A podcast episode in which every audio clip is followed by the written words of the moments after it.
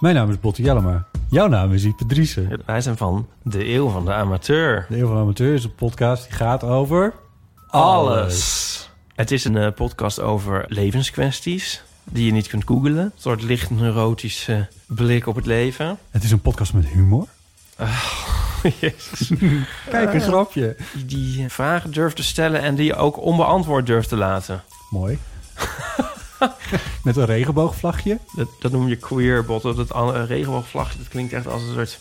Eh, ik bedoel, iedereen is welkom. Kom ons luisteren in je favoriete podcast-app.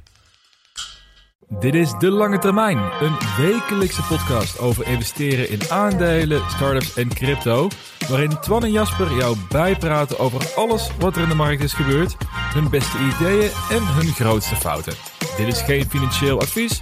Doe dus altijd zelf je eigen onderzoek. En voor inzicht in ons portfolio ga naar delangetermijn.nl.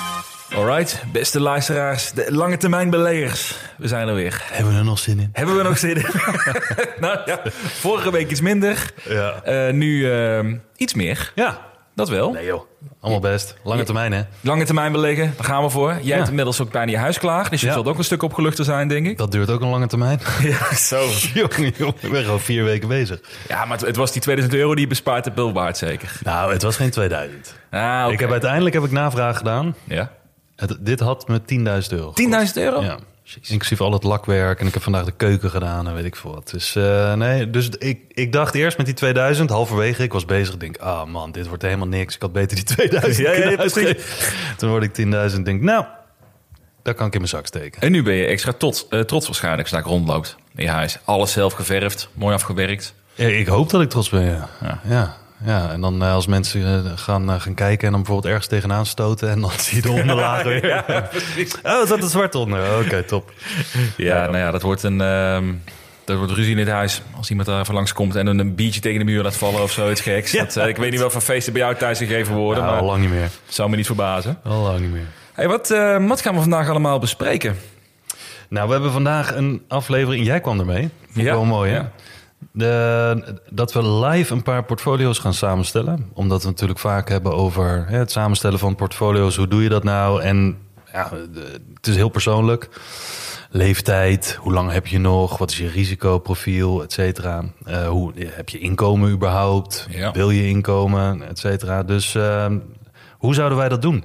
Nou. En het, het wordt een hele live, gewoon live eh, vanuit de heup schieten. Geen financieel advies natuurlijk. Nee. Nou ja, jij komt net terug van, van het schilderen natuurlijk. Ja. Ik heb een drukke week gehad, dus ik heb ook niet echt voorbereid. Nee. Assets naar voren schuiven. Eentje voor het fundament. Eentje met wat meer upside potential. En nog eentje om het rond te maken. En eh, nou, we gaan het de heup schieten. Dus kijken, eens kijken wat het wordt. Ik ben benieuwd. Dat, eh, maar het is, ja, misschien hebben we ook wat geleerd van de afgelopen aflevering. Ja. Ja. Eens kijken wat daar komt. Hey, en voor de Vriend van de Show aflevering, dat is ook wel leuk denk ik. Daar, eh, we hebben sowieso weer een nieuwe vriend erbij. Dat is eh, Dries. Oh. Dries is erbij. Dus welkom Dries bij de show. Leuk. Weer een extra eh, aflevering voor jou deze Ja. week. En die aflevering deze week gaat worden... We gaan verbreden, weer iets. We gaan het hebben namelijk over eh startups. Ja. Een Tijdje niet over gehad. Ja, een tijdje geleden ja, ja. dat we het erover hebben gehad. Ja. En het is natuurlijk sowieso nu een fase waarin heel weinig gebeurt eigenlijk met startups. Heel weinig mensen het erover hebben. ja, en ik weet ook niet... Volgens mij sinds wij de podcast begonnen zijn... hebben we het een paar keer over start-ups gehad... maar dan meer als afzonderlijk onderwerp. Ja, Maar wij vergeten altijd start-ups mee te nemen in ons portfolio. ja exact. Dat Terwijl, is natuurlijk ja, lastig te meten ook. Maar eh, ja, dat is toch best wel ook een, eh, een, behoorlijk percentage. ja nou ja, en weinig mensen kunnen er ook niet echt iets mee natuurlijk. Want de startups waar wij in zitten kunnen we of, of we kunnen het niet noemen... of we zeggen dat we erin zitten, maar niemand kan daar Nee. iets mee doen in die zin. Dus Nee, klopt, ja. Maar wat, wat leuk is, we gaan eens nu kijken van... ehm, is natuurlijk twee jaar lang niet echt heel veel behoefte geweest... bij investeerders en beleggers om iets te doen met startups. Het is eigenlijk een high-risk asset. Eh, maar de vraag is nu, nu langzaam een beetje de inflatie begint eh, eh, af te toppen... begint de smaak terug te komen naar risk, ja of nee? En zou dat kunnen betekenen dat startups misschien nu wel weer interessant kunnen zijn? Dus daar gaan we het over hebben. Misschien ook alweer een beetje wat onze strategie daarin is. Ja, Want jij zegt, jij hebt veel startups. Ik heb meer in startups zitten dan in mijn liquide, mijn liquide portfolio. Ja? Meer dan aandelen en crypto. Dus dat vergeet ik soms ook wel eens een keer mee te nemen. is, is dat omdat je normale portfolio onderuit gaat en je start-up portfolio eigenlijk niks doet. Ik ben zo blij dat ik daar geen dagelijkse koers te zien krijg. Dat, eh, die kan ik gewoon ook hoog inschatten op de waardering van twee jaar geleden. Ja, dus mooi. dat is lekker. Ja. Maar ja, daar gaan we het over hebben. Dus wat dat betreft weer een eh, leuke variatie, denk ik, voor eh, deze week. Maar eerst het hoogtepunt van, de, van iedere aflevering. De portfolio's. Ja, Eh, nou, voor jou wel een hoogtepunt natuurlijk iedere week. Want jij staat nog steeds... eh, nog steeds boven de 20% Ja. ja. Ja, het kabbelt een beetje. Ik zat ook, eh, ik heb niet heel veel naar de markt gekeken de afgelopen weken. Maar niet veel naar de markt kijken betekent voor mij één keer per dag. Dat zal voor sommige mensen zijn veel. echt- dat is echt veel. Ja. Maar ja, goed, hè, qua interesse en dergelijke. Ik wil dat wel een beetje op de hoogte blijven. Maar dat was eerst gewoon vaker. Ja. En ook eh, hele onderzoeken met eh, grafiek, eh, weet ik veel wat allemaal. Maar nu even niet. Nee, je maar, moet toch besluiten welke verf je koopt bij de gamma. Is het een goede verf dit keer? Is het toch iets minder goede verf? Ja, en ik zeg ook wel eens tegen mijn vriendin... ik kan me echt... ik weet niet of dat een mannending is... maar ik kan me echt maar op één ding goed focussen. Mm. In plaats van dat je vier dingen maar een beetje half-half doet. Dus ik wilde dit eerst af hebben met het huis. Maar daardoor kijk ik niet zoveel. Maar als ik kijk, dan zie ik wel dat alles een beetje kwakkelt. Ja, Ja, er zullen ja. vast beleggingen zijn die gewoon gigantisch in elkaar storten. En er zullen ook beleggingen zijn waarvan ik afgelopen week... eh, wat was het, eh, Ebusco... Ja, die Die, ook. die knalde in één keer omhoog. Die was natuurlijk ook keihard gedaald. En daar zitten ook veel mensen in op Twitter ehm, eh, die ik volg. Maar afgezien daarvan, weet je wel, Nasdaq, S&P, doet niet zoveel. Ja, Dus in mijn beleving. Dus eh, mijn portfolio doet eigenlijk ook niet zo heel veel qua volatiliteit. Eh, het staat nu op 26,5 procent. nog steeds niks te klagen. Nee. Begint het al te vervelen trouwens? Dat je iedere week moet zeggen tussen de 25 en de 30 procent? Of, of geniet je nog steeds wel van binnen? Nou, misschien begint het luisteraars te vervelen. misschien is het leuker om te zeggen... echt serieus, staan op min 50. Hè, hoe kan dat? Dat zou wel een keer goed zijn. Misschien moeten we dat gewoon een keer erin gooien. ja, doe maar niet. Kun je niet gewoon een keer je portfolio omgooien? Ja, nou, dan gewoon stop- voor ons, voor de, alles voor de content. En dan stop ik. Ah, Dan lekker dan. ik. Nee, nee, of, ja. nee, ik vind het eigenlijk eh, ik vind het prima. Het geeft ook even wat rust. Mhm. Maar aan de andere kant, ja, er gebeurt niet zoveel. Dus ik merk dan wel... Ik merk wel een verschil met jaren geleden. Want jaren geleden was ik van die verveling. Ja. Hoe gek het ook klinkt. Eh, want je hoeft in feite niks te doen. Maar misschien ga je daardoor vervelen. En zoek je de volgende dopamine-hit met beleggen... of met handelen of speculeren. Ehm, maar een paar jaar geleden was ik dan verveeld andere dingen gaan doen. Mhm. En met beleggen. Hè? Dus Ja. dan was ik, eh, als Trading to and To er was geweest, was ik allemaal van die, weer van die mandjes gaan maken. En oh, ik wil dit. En dan onderzoek doen, toch dingen veranderen. Nou, ik vind het wel best zo. Maar we hebben het er wel over gehad. Zullen we tegen het eind, denk ik, van, eh, van het jaar weer, eh, weer gaan bespreken. Mhm. Dat ik wel een paar dingen waarschijnlijk, ik zeg waarschijnlijk, Ja. wel een beetje ga omgooien. Ja? Ehm, ja, niet, niet heel erg gaan omgooien, maar wat dingen consolideren. Zodat er weer wat ruimte ontstaat voor andere, andere zaken. En dan, ehm, ja, dan ga ik het wel verder zien. Het is niet uit verveling, maar meer omdat ik ook wat potentie in andere dingen zie. Maar op Mhm. dit moment nog niet helemaal de case ervoor heb kunnen maken. Maar heb je al een eh, idee waar je heen wil? Of is dat nog te Nou, nee, prematuur? ja, dat is, dat is een beetje misschien voor. Goeie woord. te vroeg, te vroeg ik. Ja. Nee, maar ehm, nou, het, zal er, het, het zal ermee te maken hebben dat ik wat individuele posities ga consolideren. ehm, en ja, weer wat, wat ruimte vrij gaan maken voor andere individuele posities. Oké. Dus misschien, misschien ook eh, wat, wat small caps, maar dan heel klein. En ik heb nu best wel kleine percentages staan in toch best wel wat bedrijven, zoals Spotify, Shopify. En eh, nou ja, Blok, zullen we het niet over hebben? Nou, ik vind het wel mooi dat je dus de term small caps durft te gebruiken. Terwijl Ja. we nu al bijna een jaar tegenover elkaar zitten. En je weet hoeveel plezier small caps je kunnen brengen als belekker zijnde. Maar dat, dat, dat is voor jou geen reden om het eh, niet te doen. Nee, omdat eh, in die zin die vier aandelen die ik nu heb, wat in principe niet echt small, small caps zijn, maar die zijn maar 10% van mijn portfolio. Dus ik zou in die zin zou ik dan bijvoorbeeld 5% daarvan nemen en in speculatieve small caps waar ik potentie in zie, zou ik dat dan stoppen. Dus ja, die 5% daar kan ik geen hoofdpijn van krijgen. Nou, wacht maar af. Nou, lijkt, me sterk. Nee, dat is waar. Dat is waar. Oké, dus maar echt een kleine, kleine Ja, positie daarin. Maar dat is eh, eind van het jaar. Mooi dat je enthousiast hebt gemaakt het hele jaar door. Ik heb nog wel, ik heb nog een paar suggesties voor je. Voor, eh, Goed contrastsignaal. ja, precies. Nou, als jij caps begint te kopen, Ja. dan is het voor mij wel een teken om Ja. nog niet te gaan verkopen in ieder geval. Oh, ik dacht eh, dat was voor jou een teken om in Nvidia en zo te gaan, eh, gaan zitten. Ja, dat zou wel lekker zijn, ja. ja. Nee, ik, eh, ik ben tevreden afgelopen week. Want ik sta in de, in de groene cijfers voor de afgelopen vijf dagen. of de zwarte cijfers, moet ik zeggen. timeframe in de gaten houden. Ja, je voelt, ik ben alweer wat optimistischer. Je hoort het. Nee, eh, ik sta nog steeds netjes op min 29,3 procent. Maar dat is beter dan de min 30 zoveel vorige week. Dus hè, vooruitgang. Voelt toch lekker. Toch fijn dat we deze podcast op woensdagavond opnemen. Want ik zag het portfolio net weer op min 4 procent staan. Dus eh, die tellen we nog even niet mee voor vandaag. Maar eh, ja, weinig gedaan. Ik heb nu wel heel duidelijk, vond ik wel leuk. Ik heb nu, eh, omdat ik zelf nu ook meer bezig ben dagelijks met in de crypto-wereld en digital assets verhaal. Wil je automatisch ook meer lezen erover. En dan ga je wat meer verdiepen in wat die wereld nou echt is.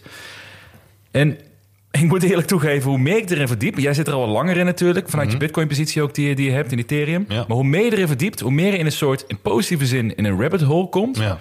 Maar waarbij het wel gewoon klikt. Ja. Het is, ik dacht eerst, je komt in een rabbit hole terecht met Bitcoin... waar je eh, zeg maar, heel principieel of heel moralistisch gaat kiezen voor Bitcoin... want de wereld vergaat. Even heel zwart-wit gesteld. Maar het valt eigenlijk allemaal reuze mee, vind ik. Daar, daar zit ook een kant aan natuurlijk. Maar Wel een, wel een kant, maar Ja. het is niet het hele verhaal. Nee. En dat was het eerste perceptie wat ik misschien een jaar geleden had. Maar vooral ook het eh, rondom wat er met Ethereum allemaal gebeurt... en de andere tech wat erop geschaald Ja. wordt. Maar hoe dieper je gaat, hoe meer je denkt... van ja, digital assets kan best wel eens, een- kan wel eens een keer heel groot gaan worden in Ja. de toekomst. Dus ik ben nu echt vooral aan het focussen op die, eh, dat gebied. Maar denk je dat je, eh, vorige keer noemde ik het al, maar denk je dat je dit ook had gedaan als je daar nu niet had gewerkt? Nou, goede vraag. Nee. En weet je waarom? Daar zat ik dus inderdaad ook over na te denken. Want ik wist dat, dat je die vraag Ja. naartoe gesteld had. Ik heb het zelfs bij mijn collega's gevraagd. Van jongens, zitten we niet zelf gewoon in een soort... eh, Bubbel. Ja, in een soort bubbel. Eh, het antwoord was ook ja, maar dat is ook niet gek natuurlijk als je de hele dag mee bezig bent. ze er eerlijk over zijn.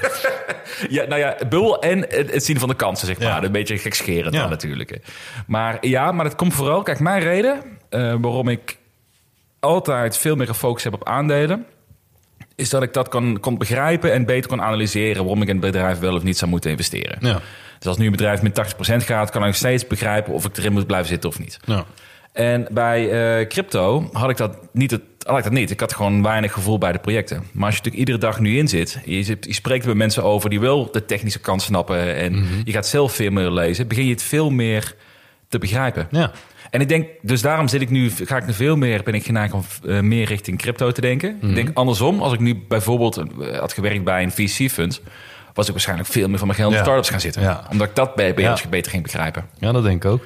Dus dat, eh, Dat denk ik ook. En ik denk dat wat dat betreft mensen, hè, niet om daar raar over te doen qua beroep of zo, maar als je, weet ik veel, je bent huisarts of slager of eh stucadoor, ge- geen idee, maar die hebben dat natuurlijk niet. Die zitten niet in die trechter qua werk, waar je ook nog eens een keertje een affiniteit met beleggen in hebt. ja, exact. Dus die moeten daar zelf hun eigen onderzoek in doen. En ik denk dat het best wel voor veel mensen ook stimulerend werkt als ze bijvoorbeeld bij een, eh, weet ik veel, zo'n conference of zo, of eh, meer seminars, of eh, ja, weet ik veel wat je tegenwoordig allemaal kan volgen. Ik hoor veel vrienden bijvoorbeeld die dan ineens een klik hebben met iemand die van baan is gewisseld en dan denk ik meer in crypto zit of meer in startups of meer in tech of weet je wel, de, ook iemand laatst of een tijdje geleden over eh, eh, lab-grown meat bijvoorbeeld. Oh, ja, ja.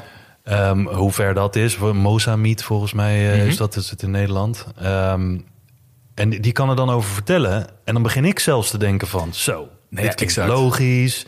Eh, je hebt er echt verstand van. Eh, dit klinkt als de toekomst.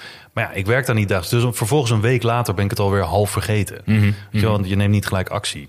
Terwijl jij elke dag als je naar je werk gaat... dan word je geconfronteerd met de actie of inactie qua Ja. beleggen... Ja, Hè, waar je mee te maken hebt. Dus ja en de dat- onderbouwing, wat speelt er? Waarom zitten we in asset A, waarom zitten we in asset B? Ja. Dus, dus dat klopt. En het, het komt uiteindelijk ook allemaal samen met die oude spreuk van eh, Warren Buffett, denk ik, daarin. Dus die moet beleggen in dingen wat je begrijpt.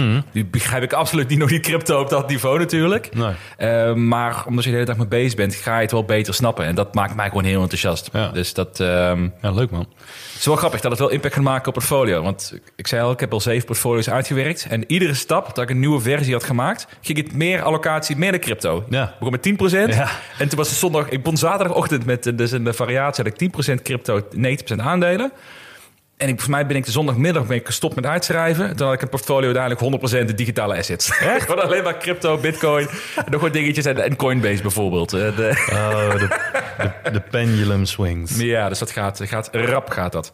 En eh, de lange termijn portfolio, ook nog steeds positief. Ja, 10%. Ik ben niet zo goed in uh, vliegjes vangen trouwens. Ja, ik, je zou bijna denken dat het dezelfde is, maar dat laat me sterk. Je laat ze gewoon los hier. Voor de deze nee, eh. Ja, inderdaad, 10% eh, lange termijn portfolio. En eh, ja, nog steeds. Nvidia staat nog steeds bovenaan. Ja. En eh, CrowdStrike, Adobe, eh, top 3. En dan de, de worst performers, eh, Alibaba, PayPal, Fiverr en Block. Ik heb zo'n vermoeden dat Block er toch wel eh, uitgaat eind deze maand. Nou ja, het, is- uiteindelijk moet de luisteraar kiezen, toch? Ja, dus ze moeten uiteindelijk eh, kiezen. Maar ik kan me wel voorstellen als je dit elke aflevering hoort. Blok, blok, blok. Ja, ja. En, en Fiverr natuurlijk, die staat er ook al eeuw in, in, eh, in de bodem. Ja, maar ik denk dus wel, ik ben benieuwd. Ik denk dus in dit geval, zonder dat de mensen willen sturen dadelijk natuurlijk. Ik, mensen hebben denk ik wel beter gevoel bij Blok. Wat, wat het kan betekenen bij een beetje de, de, de intrinsieke waardes of de toekomst van Blok. Dan dat ze het hebben bij bijvoorbeeld een Fiverr. Ja, En in dit geval PayPal denk ik ook, Alibaba denk ik ook. En Fiverr is toch een beetje dat freelance platform. Eh, Ja. eh, dus ik, ik ben heel benieuwd wat het ehm, ik gaat hoor, er, worden. ook- ik hoor er ook niet zoveel meer over. Nee, dus wat dat betreft verbonden dat er nog, in de, Ja. nog steeds in de top staat. Of in de, in de portfolio zit. Ja, Alright. Even dat we overgaan, vond ik wel leuk. Voordat we overgaan naar het, eh, het centrale thema van vandaag. Eén stapje terug nog steeds naar crypto. het worden vanaf nu alleen maar crypto. Alleen maar crypto ding. Nee, maar dit vond ik wel, vond ik wel geinig. We de afgelopen week, en jij zit natuurlijk ook al heel lang in, in bitcoin. Heb, je, heb je het meegekregen, de pump? Ja, ja. Ja, ja, hebt mij nog. Ik heb die hier nog inderdaad. Ja, ja, dat, ja tuurlijk. Nou, dat was vorige, wat was het, afgelopen maandag? Maandag volgens was het, hè? Ja. Vorige vrijdag. Nee, ik weet het wel niet. Nee, ik denk maandag. Ja, denk Oh, maandag, ja. Ja, maandag. maandag. ik raakte het allemaal nog kwijt. Maandag kwam opeens een Twitter berichtje naar buiten van Cointelegraph, geloof ik. Normaal best wel een erkende bron van, eh, van, van crypto nieuws, bitcoin nieuws. Van de ETF, bitcoin ETF is goedgekeurd. Ja, En op dat moment, binnen, binnen 10 minuten, ging bitcoin 10% omhoog. ja. Toen kwam wat geluid op Twitter kwam voorbij. Met, ik ga even checken of dat wel klopt. En mensen die normaal gesproken als eerste weten of het wel zo is. Dan dacht Ja. je van, ah, als die er nog moet checken, dan gaat er waarschijnlijk wel iets, iets mis. En inderdaad, bleek nog niet waar te zijn. Het is, was een, een, een vals gerucht. Crypto ging weer 10% naar beneden. het piekje was weer voorbij. En het was weer eh, door met eh, de rest van de dag. Maar wat ik interessant vond met dit vooral... is dat een, een, het gerucht dat het akkoord was... dat een Bitcoin-ETF kon... de prijs 10% kon laten stijgen in een vijf minuten tijd. Ja, Had je dat verwacht? Nou ja, ik denk wel, er stonden best wel wat shorts uit volgens mij. Dus ik, denk wel dat dat op een gegeven moment, hè, er was een vuurtje ineens. Nou ja, dan zal je net hebben dat, eh, dat er een short squeeze komt, heel kort. En dat eh, hele slimme mensen weten dat het niet waar is. En eh, ja, die denken, oké, dan ga ik even, even winst nemen. Eh, en short stappen uit dan natuurlijk. Ehm, just in case, je weet Ja. het niet. Ja. Ehm, maar de, of, het, of het was gisteren, dat kan ook. Maar de, dinsdag of maandag, maakt niet uit. Maar ik zei ook al tegen jou van, is dit echt zo? Want Ja, was ook... eh, nou, ik, zat, ja. ik zat gelijk op Twitter te kijken en ik zag dat bericht van Cointelegraph. En als er geen bron bij staat, Mhm. hè, geen artikel of zo. En dat als, dit, als dit echt was geweest, dan had je in je feed van Twitter... had je echt 10, 20 artikelen al gevonden binnen, binnen een half uur. ja, ja, klopt. Want, hè, want iedereen duikt daarop en iedereen schrijft zich helemaal aan mallen. Ehm, maar dat was gewoon niet te vinden. En toen ging ik op Google zoeken. Nou, dus er was ook niks te vinden. Ja, het mooiste nog zelfs in de, in de, de Twitter-post van Cointelegraph stond er ook van... eh, bevestiging, Coinbase ETF is goedgekeurd. Al dus persoon. Oh ja. Letterlijk bij als bron. jongen, jongen, jongen. Al dus persoon. Al dus persoon. Nee, maar, dus, maar goed, hè, waar we het gisteren ook over hadden, heel even kort op de app. Ik denk wel, je weet natuurlijk nooit hoe dingen gaan lopen, maar ik denk wel dat het aangeeft hoe, hoeveel pent-up demand er is, zeg maar. Dus hè, ook omdat er, ja, er- er, er is niet echt een uitbraak. Het, het kabbelt een beetje onder 200 daags gemiddelde volgens mij. Eh, maar dat betekent wel dat mocht er een aankondiging komen, en ik heb geen idee wanneer. En volgens mij waren er ook geruchten, want was het nou gisteren de 16e? Ja, maakt ook verder niet uit. Maar zo rond de 16e zou er ook... Er waren allerlei geruchten dat als er iets zou bekend gemaakt worden... dan zou het op de 16e of rond de 16e zijn. ik, weet, ik weet even niet meer waarom. Maar ja, al die dingen samen... Ja, dan zorgt dat er in één keer wel voor... dat mensen daar echt op het puntje van de stoel zitten. Ja. En dan gaan de appjes weer allemaal rond en, en alle mailtjes en dergelijke. En dan vervolgens een dag, nou niet eens een dag, maar gewoon een uurtje later was het al, ja, dat is fake news. Ja, ja. Maar ik vond het dus wel opvallend hoe snel een stijging daarin, daarin kwam. Dus hoeveel mensen er toch op zitten te wachten op een soort nieuwe bull market Ja. voor, eh, voor crypto. Ja, dat, dat doet me wel weer denken aan, aan een paar jaar geleden. Want ik bedoel, 10% hebben we het nu over dat het best veel is in een uurtje. Maar heel eerlijk, heel veel jaren was 10% in een uurtje was gewoon doodnormaal. Ja, ja, ja, dat klopt. We zijn het alleen een beetje vergeten. Ja, Maar ja, dit was bevestiging wat mij Ja. betreft dat het, het kan zo weer terugkeren als het eh, ja, zeker. even mee zit. Ik denk ook dat hij er gaat komen. Dus, eh, Nou, ja, vond ik wel interessant. Gaan we binnenkort denk ik iets uitgebreider over praten. Ook Mhm. over eh, die markt in de, in de breedte. Gewoon digital assets in de breedte. Niet alleen crypto, maar ook vanuit de aandelen. Wat er daarmee denk ik Ja. interessant kan zijn. Maar ik toch denk dat het een heel interessant domein is vanuit beleggers om daarin te zitten. Ja. Maar daar hebben we denk ik een, eh een uitgebreider aflevering voor nodig. Want dat gaan we die nu eh, ook nog even erbij doen, denk ik. Nee, we gaan het nu hebben over eh, portfolio bouwen. Live portfolio bouwen. ik ben heel benieuwd. Wat hebben we verzonnen? dat zal ik je eens vertellen. Nou, ik heb dus dit... ehm, eh, ik zei al, ik heb dit weekend een aantal variaties uitbedacht van een portfolio. En dat, het is eigenlijk stiekem best wel leuk, toch? Gewoon een beetje fictief een portfolio uitwerken... en dan berekeningen maken. Hoeveel geld wil ik dan in A, hoeveel wil ik Ja. in B? Ja, maar wil ik dan... Er zijn heel veel leuke rekensommen die je kan maken. Een beetje of met Lego speelt voor volwassenen. Zo Ja. voelt het. Ja. Of Lego voor nerds. Ik weet niet of dat, of dat dubbelop is. maar, ehm, maar uiteindelijk ik dus van... oké, wat heel leuk kan zijn is... eh, ik denk natuurlijk heel veel met bepaalde voorbehoud... met mijn, eh, met mijn rugzakje over het opbouwen van het portfolio. Ja. Jij doet het ook al 17 jaar. Je hebt Ja. ook heel veel varianten gemaakt erin. Maar ik kan me best voorstellen... eh, we hebben het vaak over portfolio opbouwen... en portfolio-strategieën. Dat als mensen onze portfolio's horen... dan zal het ze vast iets van kunnen meekrijgen. Alleen de echte nuances, waarom we bepaalde aandelen hebben gekozen, die ontbreekt waarschijnlijk. Omdat het een stukje historie is, ook wat we vaak meenemen. Ja, historie, persoonlijkheid. eh, het is maar net wat er binnen je vizier komt. Want je kan lang niet alles in de gaten houden. Dus hè, Ja.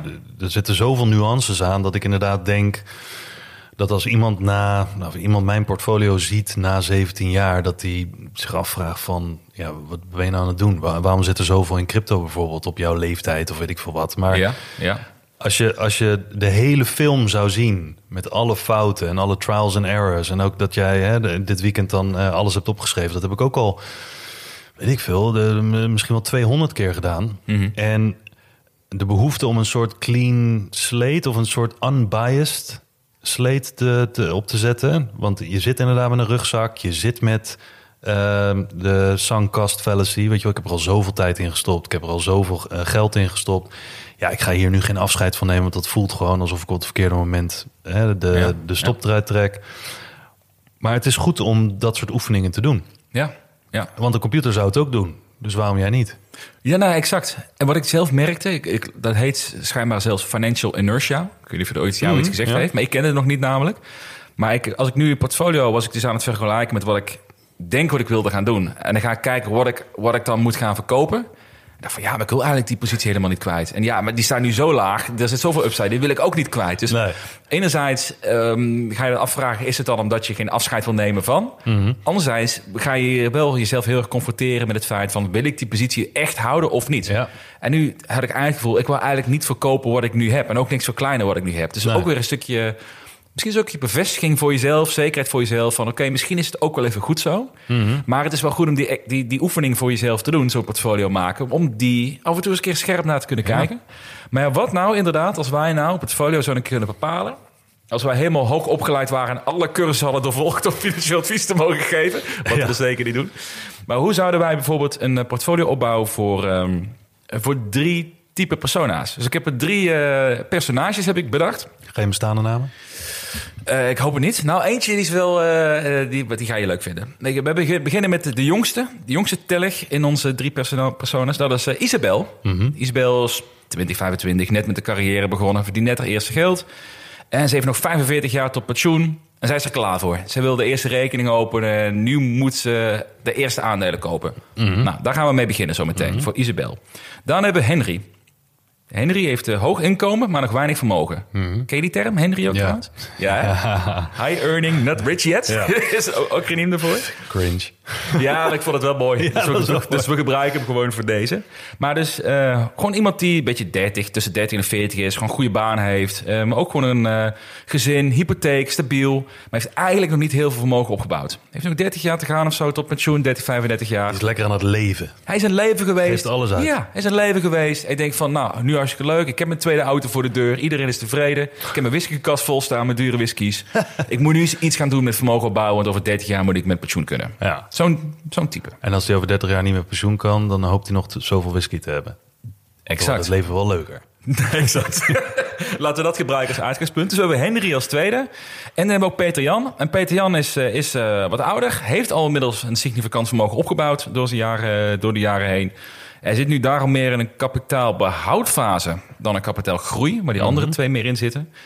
Eh, hij is dus wat ouder, nog tien jaar tot pensioen. Hij wil wel volledig belegd blijven. Hij Ja. wil niet al eh, grotendeels in cash of obligaties of zoiets. Eh, maar hij wil wel, hij moet nog een paar stapjes zetten om echt comfortabel met pensioen te gaan. Hij is er nog net niet klaar voor. Dus hij is wel leuk. Er zijn drie totaal verschillende personages. En ik denk wat mij leuk lijkt, is dat wij dus eh, één voor één gaan benoemen wat voor assets zouden wij bij die persoon vinden passen. Ja. En ik kies er dus één fundamentele asset waarop gebouwd, waar het portfolio gebouwd wordt. Eh, eentje waar we denken, daar is voor die persoon heel verstandig voor net wat extra upside. Dat kan die hebben door leeftijd, inkomen, whatever. Eh, en eentje die het compleet moet maken, die het rond maakt. En als jij dadelijk denkt, joh, ik breek de regels, ik gooi er gewoon nog eentje in, dan mag je dat van mij ook. Hè. Zo streng zijn we ook Oh, niet. Maar.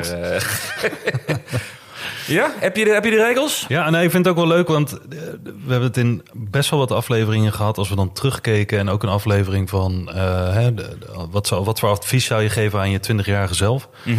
En natuurlijk vooruitkijkend van eh, wat is ons doel met dit beleggen, hè, vermogen opbouwen. En wat zou je dan uiteindelijk, als je op een bepaalde leeftijd bent, wat zou je als je dat bedrag hebt gehaald qua belegd vermogen, zou je dan nog hetzelfde portfolio hebben? Dus Ja. eigenlijk Ja.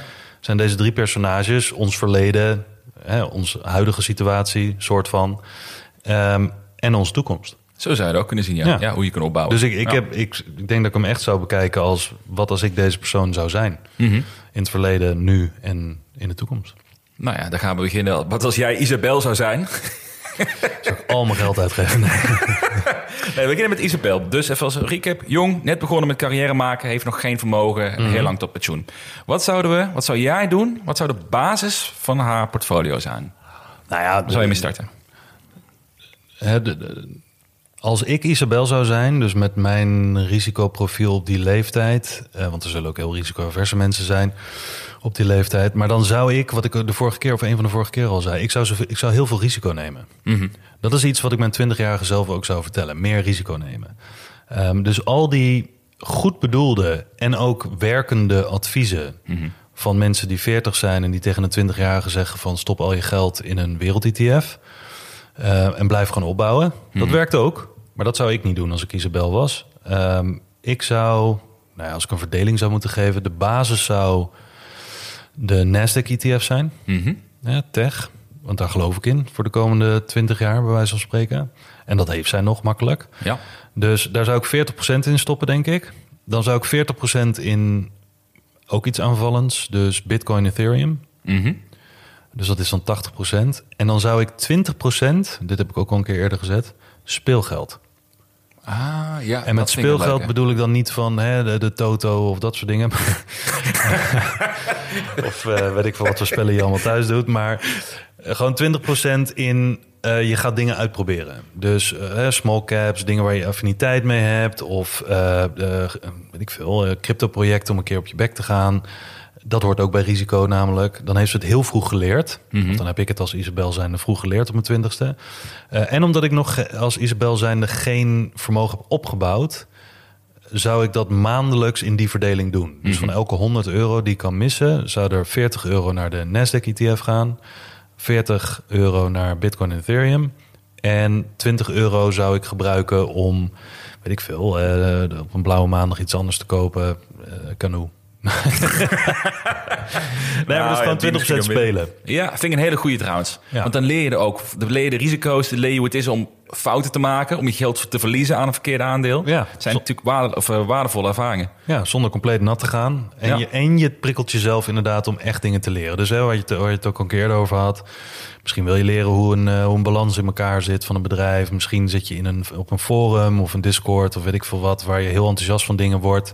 Nou, stop je daar misschien eh 10%, dus 10 euro van elke 100 euro in... en dan vervolgens gaat het compleet kapot. Nou, daar hoef je ook niet eh, bang voor te zijn, want je hebt heel lang de tijd... en je hebt die andere aanvallende dingen ook. Ja, ja vind ik een leuke. Vind ik een hele goede die trouwens. Ja, ik, ik kom redelijk in de buurt van jouw verhaal. Ik denk dat ik verdeling iets, iets anders... zou- Nou, verdeling iets anders. Ik denk dat ik nog meer risico zou durven nemen in haar, in haar fase. Omdat ik vanuit ga dat zij he- helemaal eh, digital savvy is in die zin. Dus ik denk in die fase dat het... Het maakt voor haar niet uit als je 20 bent, je verdient... Je hebt misschien 200 euro per maand om te beleggen. Dan, dan, dan, kan je, dan, dan kan je iets missen. Ja. Als je vijf jaar later, bij wijze van spreken... al je geld bent kwijtgeraakt... dan is er nog steeds alles behalve Precies, een eh ja. mannenverbod. Ja, zonde, maar niet veel aan de hand. Precies. En omdat de bedragen klein zijn, zou ik nog iets meer willen focussen op de hogere upside. Mhm. Maar wel, zeg maar, de, de solide basis beginnen met aanleggen. Ja. Dus ik zou, ehm ik zou 60% in eh, Bitcoin en Ethereum stoppen. Mhm. Misschien een van de twee ligt er een beetje aan hoe, hoe, hoeveel, hoe savvy je in die, in die sector bent. Of in ieder geval in crypto. Laten we zeggen 60% in crypto. Misschien ook een paar kleinere munten om een beetje mee te spelen. Wat Ja. je ook zegt, kan ook niet erg als het maar niet het te groot deel van je, van je vermogen is. Maar het kan ook wel een mooie, mooie zijn. Zeker in die fase. Ik zou wel 30% in eh, eh, de Nasdaq QQQ stoppen. En dat is puur, want dat, dat heb ik nu echt geleerd. Dat, had ik, daar- dat is mijn grootste fout. Daar had ik gewoon mee moeten beginnen. Ja. Toen ik begon met beleggen. Ja. Gewoon de vaste basis, iedere maand een bedrag in een QQQ. Ik was ook 29 of 30 toen ik begon, dus al wat ouder. Dan kan je al wat minder risico in die zin nemen. En dan verdien je al wat meer. Ehm, dus ik had daar gewoon mee beginnen. Gewoon je basis van maken. Gewoon iedere maand vast bedrag naar de QQQ. Het is aanvallend genoeg, en, het- maar, en, het- maar het is nog steeds stabiel omdat het een ETF is. Ja. In die zin. Dus je, je, je gaat niet volledig nat erop. Nee, en als je 40 jaar, volgens mij was, nou ik weet even van mijn hoofd niet zeker, maar volgens mij 500 euro op. Nee, weet ik niet meer zeker. In ieder geval, als je 40 jaar in een QQQ kan beleggen, ook al zijn kleine dingen, ga je het heel goed doen. Ja. Dus dat eh, historisch gezien. Dus dat is een goede. En inderdaad, wat jij zegt, ik zou 10% gebruiken, maar ik zou dat opdelen in drie aandelen waar je zelf heel veel interesse in hebt. Dus eh, misschien een beetje speelgeld wat jij noemt, maar ik zou zeggen, als jij helemaal fan bent van Spotify, doe daar iets in. Ben je, Oh ja. ik geloof je Netflix, doe daar iets in. Ja. Omdat je het daarmee leuk maakt voor jezelf om die bedrijven te gaan volgen. Ja, dat is ook wel waar. Hè?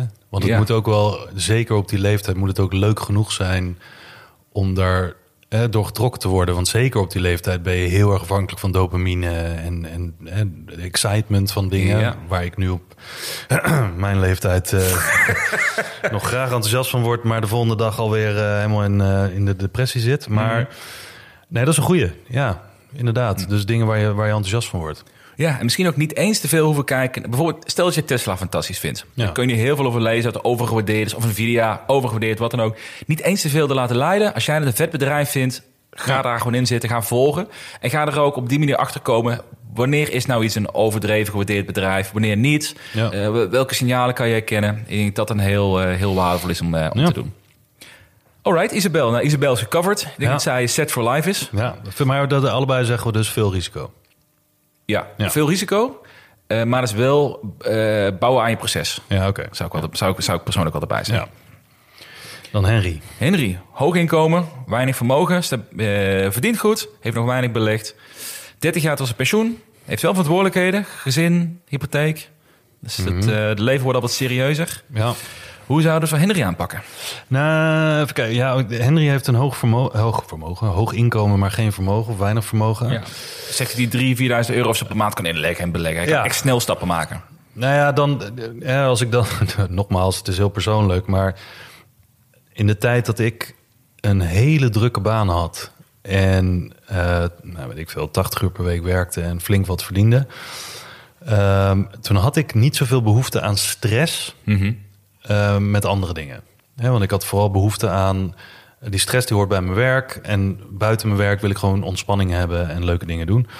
Dus ik denk dat voor, voor Henry eh, met zijn hoog inkomen, dat juist dat inkomen zijn grootste kracht is. Stabiel, kan stevast elke maand duizenden euro's inleggen. Dus die hoeft ook niet zoveel risico's te nemen. Ja. Die hoeft ook niet, wat mij betreft, als ik Henry zou zijn, niet het risico te nemen dat je binnen vijf jaar eh, er gigantisch op vooruit moet gaan. Die moet gewoon zorgen dat zolang hij dat stabiele inkomen heeft, het in iets stopt wat voor hem gaat compounden. Dus ik zou denk ik bij Henry eh verreweg het meeste in een brede ETF stoppen. En of dat dan de, de QQQ ETF is of gewoon IWDA bijvoorbeeld. Ja. Ehm, maar dat, daar, ik denk dat ik daar sowieso 60, 70 procent. En dan zou ik 20 procent ehm, losse aandelen doen. Of losse beleggingen. Ehm, en 10 procent in Bitcoin Ethereum. Dus een kleiner deel heel risicovol. Mhm. Eh, maar daar hoeft hij ook geen stress van te krijgen. Maar het, de- ik vind bij al die Dat heb ik, zei ik ook net voor de aflevering tegen jou, dat het is een soort verzekering, vind ik. Omdat hè, er zullen genoeg mensen zijn die zeggen van... joh, daar heb je niks aan, moet je ermee. Ehm, maar ik zou het me niet kunnen veroorloven om er niks mee te doen. Ja. Want stel dat het wel gaat waarmaken wat, wat mensen zeggen... Ehm, maar dan hoef je niet zo'n heel groot risico te nemen. Want je bouwt in principe je toekomst op. Hè, je vermogen in je toekomst bouw je op door dat enorme inkomen en wat je kan missen. Mhm. Dus dat, daar zou ik denk 60, 70 procent en dan 20 procent in losse aandelen waar je affiniteit mee hebt. Of hè, misschien werk je wel in een sector eh, die daar eh, dingen mee doet. Of gewoon puur om, hè, omdat je toch al wat belezener bent. Je hebt waarschijnlijk een goede baan. eh, dat je balansen goed kan inschatten en eh, forward projections en dat soort dingen. En dan 10 procent Bitcoin en Ethereum. Oké. Minder risico, maar omdat de kracht, ik denk dat het ja, de grootste kracht is inkomen. Ja, ja, dat is waar. Ik vind het grappig. Ik, ik bekijk hem, ik snap helemaal die richting waar je in, eh, vanuit denkt. Ik ben het grotendeels met je eens. Ik zie nog één kans voor deze groep. En dat is eigenlijk, dat snij je net al kort aan. Van, eh, je bent in een fase, voor de meesten, dat je eh, meer dingen qua business begint te begrijpen. En als je dingen goed kan inschatten, je, hebt een beetje wat, je, je weet wat wel niet kan werken, waar een beetje de trends vandaan komen, Ja. even grosso modo gesteld. Dus ik zou denken dat ik zou gaan, omdat je heel veel inkomen hebt, heb je minder volatiliteit nodig. Want je wilt gewoon iedere maand wil je gewoon kunnen Ja, knallen. Dus ik zou precies. juist gaan voor de IWDA in plaats van de, de QQQ. Mhm. Omdat je dan gewoon stabiel dat gewoon 50% van je geld kan Ja. blijven bouwen. Omdat je, je compound ook ontzettend hard. Ja. Dat je iedere maand veel erin kan storten. Ehm, daarnaast zou ik ook individuele aandelen pakken. Een Mhm. aantal. Misschien ook 20%, ook iets van, van eh 10% in eh crypto, of 20% in crypto. En 10% startups. Ah ja. Daar zou ik wel voor durven gaan. Dus, want omdat je, je hebt zo'n hoog inkomen dat je dus wel meer risico mag nemen bij die groep. Omdat je, je eh, dat ko- kost natuurlijk vaak drie tot vijf jaar, soms wel langer voordat je rendement ziet aan een start-up. Maar omdat je al veel dingen gecoverd hebt, je bent met een gezin samen, je hebt een goed inkomen, eh, je bouwt een redelijk stabiele basis op met die IWDA-zaken en dergelijke Ja. kun je een klein deel iedere maand of per jaar een paar Ja. keer in wat meer risicovolle start-ups zetten die, je- die je kent. Je hebt soms ook wel een netwerk met vrienden die, iets, die wat ondernemen Ja, doen. Of je kent is netwerkclubs in de buurt. Misschien ook een hele leuke. Wel aannemende dat, want dat is natuurlijk een grote aanname. Hè, als je een hoog inkomen hebt, niet alle hoge inkomens hebben. eh, eh, niet alle mensen met een hoog inkomen hebben een baan waar ze nou, verreweg 90% van hun stress eh, aan kwijt zijn. Goeie, ja. Maar dan moet je met start-ups, dat kost echt veel onderzoek. Mhm. Hè, want je hebt echt zoveel hit-and-miss eh, dingen. Dus aannemende dat je genoeg tijd hebt om dat te onderzoeken en er dan in te stappen. Ja, dat is want ik ben het met je eens, je hoeft het daarna niet echt super te onderhouden. Want het, dat heeft toch een eh, runway van vijf tot zeven jaar voordat je überhaupt er iets van merkt. Maar om het onderzoek te doen, om er misschien vijf uit te kiezen of tien uit te kiezen, Mhm. ehm, daar moet je wel de tijd voor hebben, Ja. denk ik. Eh, maar als je dat hebt, dan zou het een goede allocatie zijn. ja. Nou ja, je hebt natuurlijk ook best wel veel platforms hè, waar je relatief kleinschalig in kan stappen met dat Series of Republic. Waar Ja, je, eh, natuurlijk, ja. Gewoon 50, zoals jij gedaan, 100 Ja. plus startups met eh, een paar bedragen kan zetten. Goed idee was dat. Dat, was ook rond, jouw, rond die leeftijd, toch, denk ik? Ja, dat klopt. Ja, Nou, zie je, ik heb eigenlijk gewoon jou geprofileerd nu. ja. nee, dat klopt. Ja. ja, ik had een 10% in start-up zitten. Van el- wat ik elke maand inlegde was 10% naar start-ups. Ja. Wat ik nu het één keer op het laatste inhaken wat je zei, ik vind het eigenlijk wel een hele goede over dat het eh, be- bewust minder risico of minder stress willen pakken. In die rol kan je me heel veel voorstellen als je een gezin hebt, hard werk, wat dan ook wat je eigenlijk zegt. Daar zal, er, eh, hè, daar zal jij best wel over kunnen meepraten, denk ik ook wel in het verleden. De, ehm, waar ik voor zou waken, en dat is een fout die ik dus ook gemaakt heb, is omdat je veel inkomen hebt, heb je het gevoel van ik kan veel meer risico nemen. Want Ja. ik heb toch iedere maand duizend euro's die ik erin kan gooien. Ja. Dus hè, daar, dat je daardoor veel meer risico gaat nemen dan nodig is. Ja. Dus in mijn geval had ik ook een behoorlijk spaarpotje opgebouwd. En, maar omdat ik dacht, ja, ik ga van, die, eh, van dat bedrag ga ik meteen drie, vier, vijf, tienvoudige maken in de komende jaren. En ik, ik wil naar dat miljoen toe, of ik wil naar die 2 miljoen toe. Dat je risico neemt die je eigenlijk helemaal niet hoeft te nemen om fantastisch eruit te komen. ja, dat.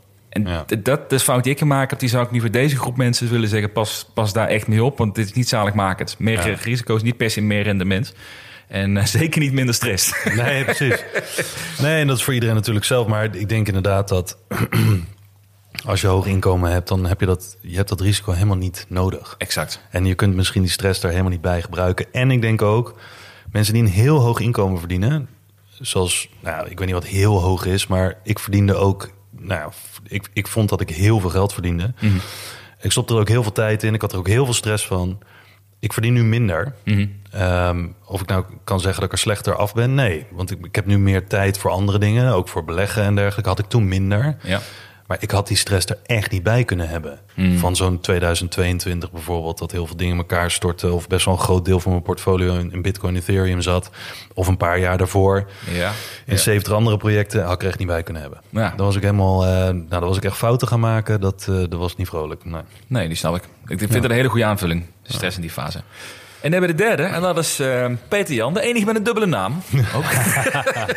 Komen die hebben nu Peter Jan eh, beledigen. Die eh, gewoon netjes 18 is. Die luistert. Denk van nou word ik nou ingeschat als een 45-jarige.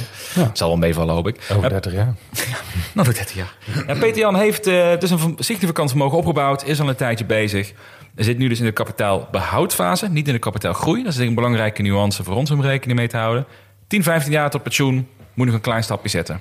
Wat zouden wij doen als Peter Jan? Als wij dadelijk 10 jaar voor ons pensioen zitten. Ja, ehm, nou, ik kan zeggen wat ik zou doen als ik Peter Jan ben en die leeftijd heb. Hoe oud zei je dat hij was? Eh 55? Oh, 50? Tussen de 50 en de 60. Laten we dat zo oh houden. zo, dat ben ik over tien jaar. ik denk eh, een hele oude vent. Nee, Ehm, nou ja, en in die zin, ik denk dat ik gaandeweg naar die kant toe, laat ik zeggen dat ik 60 ben. Of 55, 60. Ehm, dan zou ik toch voor mijn doel, en omdat ik dan vermogen heb opgebouwd, net zoals Peter Jan, ehm, en dat het niet zozeer meer wil kwijtraken, maar ook niet wil stilzetten, Mhm. zou ik denk ik toch een heel groot gedeelte in een dividend-ETF doen. Godverdomme. Oh, jij ook? Ja, ik dacht, Ja. dat, dat had ik je het wakker daar. Dan had ik eens nieuws, maar nee. Nee, nee. Dus oké, het- ja. nou, ik denk verreweg misschien wel 60, 70 procent in een dividend-ETF. Om twee redenen. Eén, dat is niet zo volatiel. Twee, je kan al ehm, leren om eh, wat het is om uiteindelijk, als je geen verdienpotentieel meer hebt, Mhm. om dat uiteindelijk wel op een passieve manier uit zo'n eh, dividend-ETF eh, te halen. Ik zou ook niet mijn laatste 10, 15 jaar voordat ik met pensioen ga, 80 dividendaandelen willen onderzoeken en bijhouden en dat soort Nee, dingen. joh, nee, joh. Dus dat zou ik in een dividend-ETF doen. En dan zou ik 20%, omdat het toch om eh, ook een deel vermogensbehoud gaat, eh, in goud. Oh, ja, dat is een goeie. Dat zou ik doen, want dat doe ik nu ook. Ehm, ondanks dat ik nu op dit moment misschien 20% niet nodig zou hebben op mijn leeftijd. Maar misschien over 10, 15 jaar wel. Dat wil ik niet kwijtraken, maar hoeft ook niet te groeien. En is ook een soort verzekering. Mocht er iets misgaan in de toekomst, ehm, weet ik veel, met het hele monetaire stelsel, geen idee. Centrale banken hebben het, hebben ze ook voor een reden. Dat zou ik doen. Eh, en dan houden we nog, nou, wat is het, 10% over.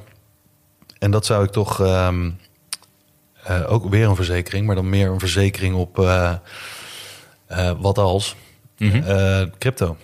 Ja, toch Maar- wel? ja. Ook als je 55 bent? Ja. Ja, en dat is, ik denk omdat het is maar een klein deel. Mhm. En dat zou ik dan wel puur in, eh nou ik zeg crypto, maar ik zou dat in bitcoin doen. Ja, oké. Ja. Dus 10% bitcoin. Of hè, als je niet helemaal aan bitcoin gewend kan raken, in die zin als enige, zou ik bitcoin en ethereum allebei 5%. ja, ja, precies. Nou, En daar zou ik ook niet meer naar omkijken. Zou ik niet meer bijleggen. Ik zou dat gewoon eh, zo erin houden. maar het zou je dan dus meer doen vanuit eh, bescherming... dan dat je daarmee kapitaalgroei hoeft te halen?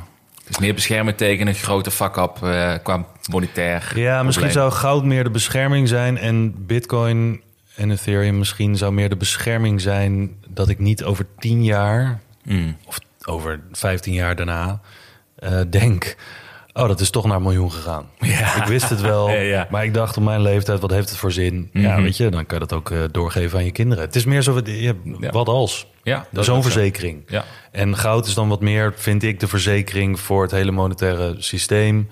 Ehm, Bitcoin, Ethereum is meer van wat als die speculatie toch goed uitwerkt. ja, vind ik goeie. Dus dat. En jij? Je had ook een dividend ETF. Ik zou eh, 100% in canoe gaan zitten. Je hebt hem even omgegooid.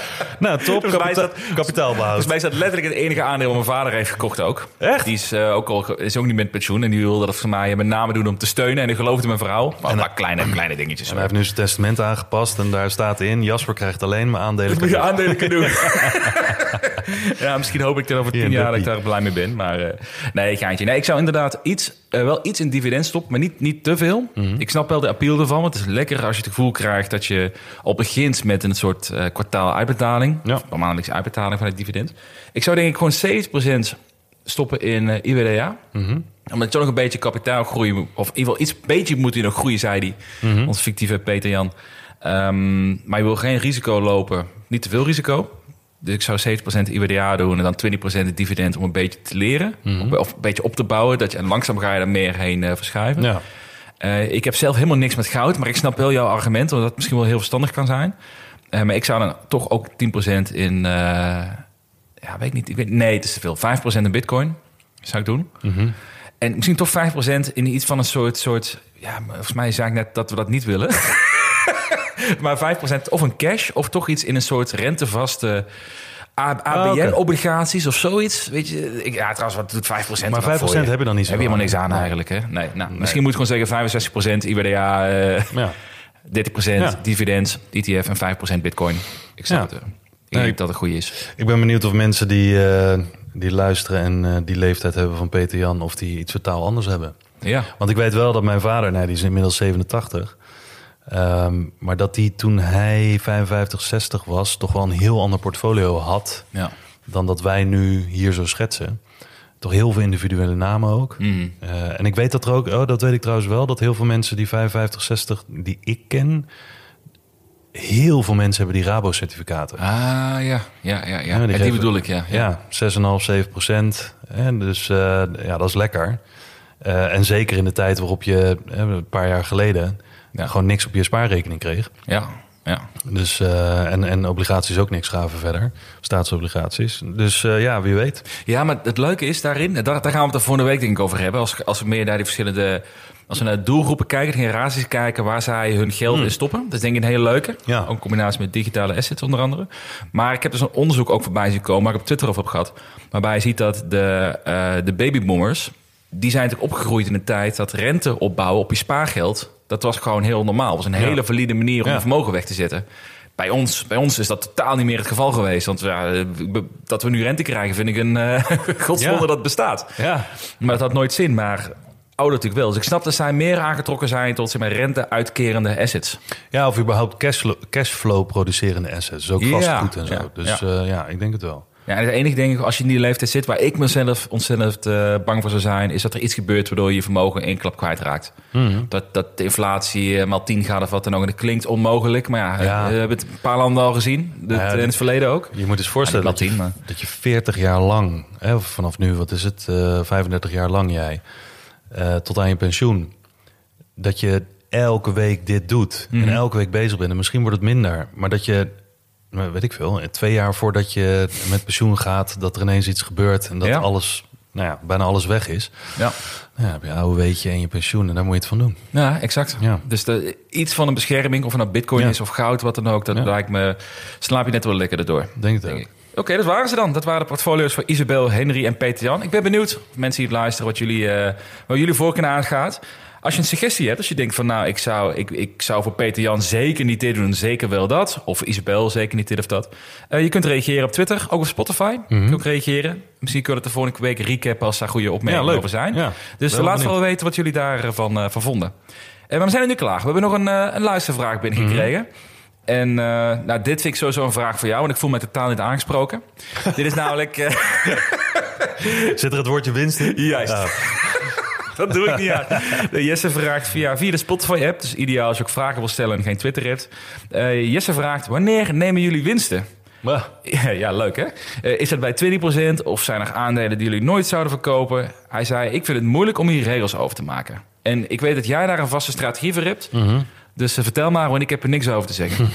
Nou, laat ik allereerst zeggen, hij, hij stelt ook een deel van zijn vraag... of zijn er aandelen die jullie niet verkopen? Mhm. Ehm, mijn portfolio nu, daar zitten geen dingen in die ik tien jaar geleden ook had. Dus ik heb in Oh, ja. principe gaandeweg alles al een keer verkocht. Ja, maar jij bent ook geen lange termijn belegger. Nee, dat klopt. Nee, ik doe het puur voor de komende week. dus eh, nee, maar om het zo te zeggen, ik zou nooit zomaar alles vasthouden. Hè, ook omdat het me nog nooit gelukt is in die zin, omdat er altijd wel weer dingen waren vanwege mijn leeftijd of vanwege de omstandigheden of weet ik veel wat. Ehm, maar juist daardoor, omdat winst nemen is best moeilijk, als je winst wil nemen, want uiteindelijk wil je er toch misschien wat mee doen. Ehm, heb ik gewoon voor mezelf die regels bepaald. Allereerste regel, hoe moet de allocatie van mijn portfolio eruit zien? ideale samenstelling, bijvoorbeeld, nou, noem maar iets, Asset X, moet eh 20% van mijn portfolio hebben. Ehm, als het onder de 15 of 10% komt, dan koop ik bij en ook stevig bij om het weer aan te vullen naar 20%. Maar om te, om te verkopen, dus winst nemen, eh, moet het verdubbelen, die relatieve weging. Ja, en bij, eh, of tenminste bij risicovolle eh, beleggingen moet het verdubbelen. Want goud gaat nooit verdubbelen in zijn Ja, ja. percentage natuurlijk. Dus daar heb ik wat anders voor. Maar die heb ik gewoon van tevoren opgeschreven. Oké, als de Nasdaq ETF idealiter 10% in mijn portfolio is... maar op een gegeven moment 20% is, dan schaal ik af. Dan neem ik winst. En waar gaat dat dan heen? Nou, daar heb ik mijn strategie voor. Dat gaat dan naar het andere potje bescherming eh, en inkomen voor later... waar dan verschillende assets in zitten. Dat is jouw fundament. Ja, dat is mijn fundament. Ja. Ehm, omdat ik heb in het verleden gemerkt dat er niks zo frustrerend is als dat je winst wil nemen, Mhm. Omdat er gewoon iets heel speculatiefs gewoon keihard omhoog is gegaan en dat je niet weet waar het dan heen moet. En wat ik dan vaak deed, Ja. was dat ik op het volgende risicovolle speculatieve ding ging stappen, omdat ik dacht van, ah, ja, dat is toch house money, boeien. Mhm. Maar het is wel geld. Dus dat wil ik niet zomaar verspelen, want geld is geld. En of je nou house, house money hebt of dat je er hard voor gewerkt hebt, het is hetzelfde geld. Ja, exact. Ehm, en het helpt je een paar stappen vooruit. Dus ja, dat heb ik. Dus ik heb echt voor mezelf opgeschreven... deze percentages qua weging in mijn portfolio... dan neem ik winst. Of als ik een hele positie wil verkopen. En daar hoort winst bij. Ja, maar ja, je kan ook een positie verkopen als er verlies is. Dus dat, Nee, dat zegt niet zoveel. Nee, ik denk in ieder geval sowieso het feit van winst pakken... dat dat underrated is. Ja, Ik denk dat weinig, weinig mensen dat doen. Of te weinig mensen dat doen. Dat er vaak gedacht wordt buy and hold, nooit verkopen. Ik ben daar aan het, van op terugkomen dat dat is. Volgens mij mis je heel veel kans als je het niet doet. Ik heb zelf heel veel kans gemist. Ook vaker, we hebben het vaak met Coinbase over gehad. Dat, omdat die heel volatiel is. Dat we zeiden, ja, we moeten eigenlijk boven de 100, boven de, op de 110 moet je winst pakken. Want dat is, het gaat heel snel beide kanten op.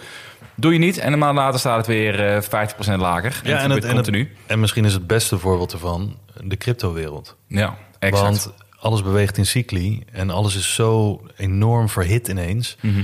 Ik heb ook winst genomen op Ethereum bij 4000. Nou ja, ja, dan heb je... Eh, ja. En ook op de weg naar 4000. Dus la- laat, laat ik vooral vooropstellen dat ik het niet perfect heb getimed. Want Mhm. ik heb ook op 1500 en 2000 en zo op de weg naartoe verkocht. Maar dat had ik ook van tevoren bepaald. ja. Eh, zodat mijn emoties niet in de weg zaten. En Bitcoin ook. Mhm. De eerste, ik had volgens mij Bitcoin gekocht. De eerste op 2000 euro of dollar. Eh, toen nog wat bijgekocht op 4000, toen op 6000, toen nog op 8000. En van- na 10.000, toen Ja. het zo hard omhoog ging. Toen heb ik verkocht op eh 25.000, 35, 45. En ik heb altijd wat overgehouden. Ja. En rustig weer teruggekocht. Maar uiteindelijk, ja, dat, dat, ja, van winst nemen word je niet arm. Nee, exact. En mark, markten bewegen in, eh, in cycli. Net zoals Daarom. Google ook gewoon 50% kan dalen of Apple of wat dan ook, ook in deze tijden. Dus wat dat betreft ik- lekker winst Ik pakken. kan me voorstellen dat je op IWDA, zo'n wereld-ETF, dan niet. Of dat dat een beetje broek, broekzak, vestzak en dat soort dingen is. Daar, dat, ja, dat vind ik typische buy-and-hold beleggingen. Helemaal eens. Maar van die losse dingen, die echt door cycli gaan... of losse bedrijven die echt afhankelijk zijn van de beslissing van een CEO... Mhm. ja, dat, ehm, daar zou ik echt winst op nemen. Nou, goed punt. Nou, hoop ik dat het eh, geholpen heeft om daar wat inzicht in te krijgen. En we gaan afronden. Wij gaan door naar de Vriend van de Show aflevering. We gaan het hebben over eh startups. Want het schijnt namelijk redelijk hit te worden in de start-up wereld. Hoorde ik eh, via een, eh een vogeltje. Via een, via een persoon. Via een persoon, een persoon op Twitter. nee, dus dat is denk ik wel interessant. Dus daar gaan wij over verder babbelen. Wat wij ermee gaan doen en wat wij zien. Eh, dank je allemaal weer voor het luisteren. Geef een eh, stem op de podcast als je hier blij mee bent met ons. Wij zijn ook blij met jullie. Dus wat dat betreft, super mooi. Dankjewel voor het luisteren. En eh, Tot de volgende week.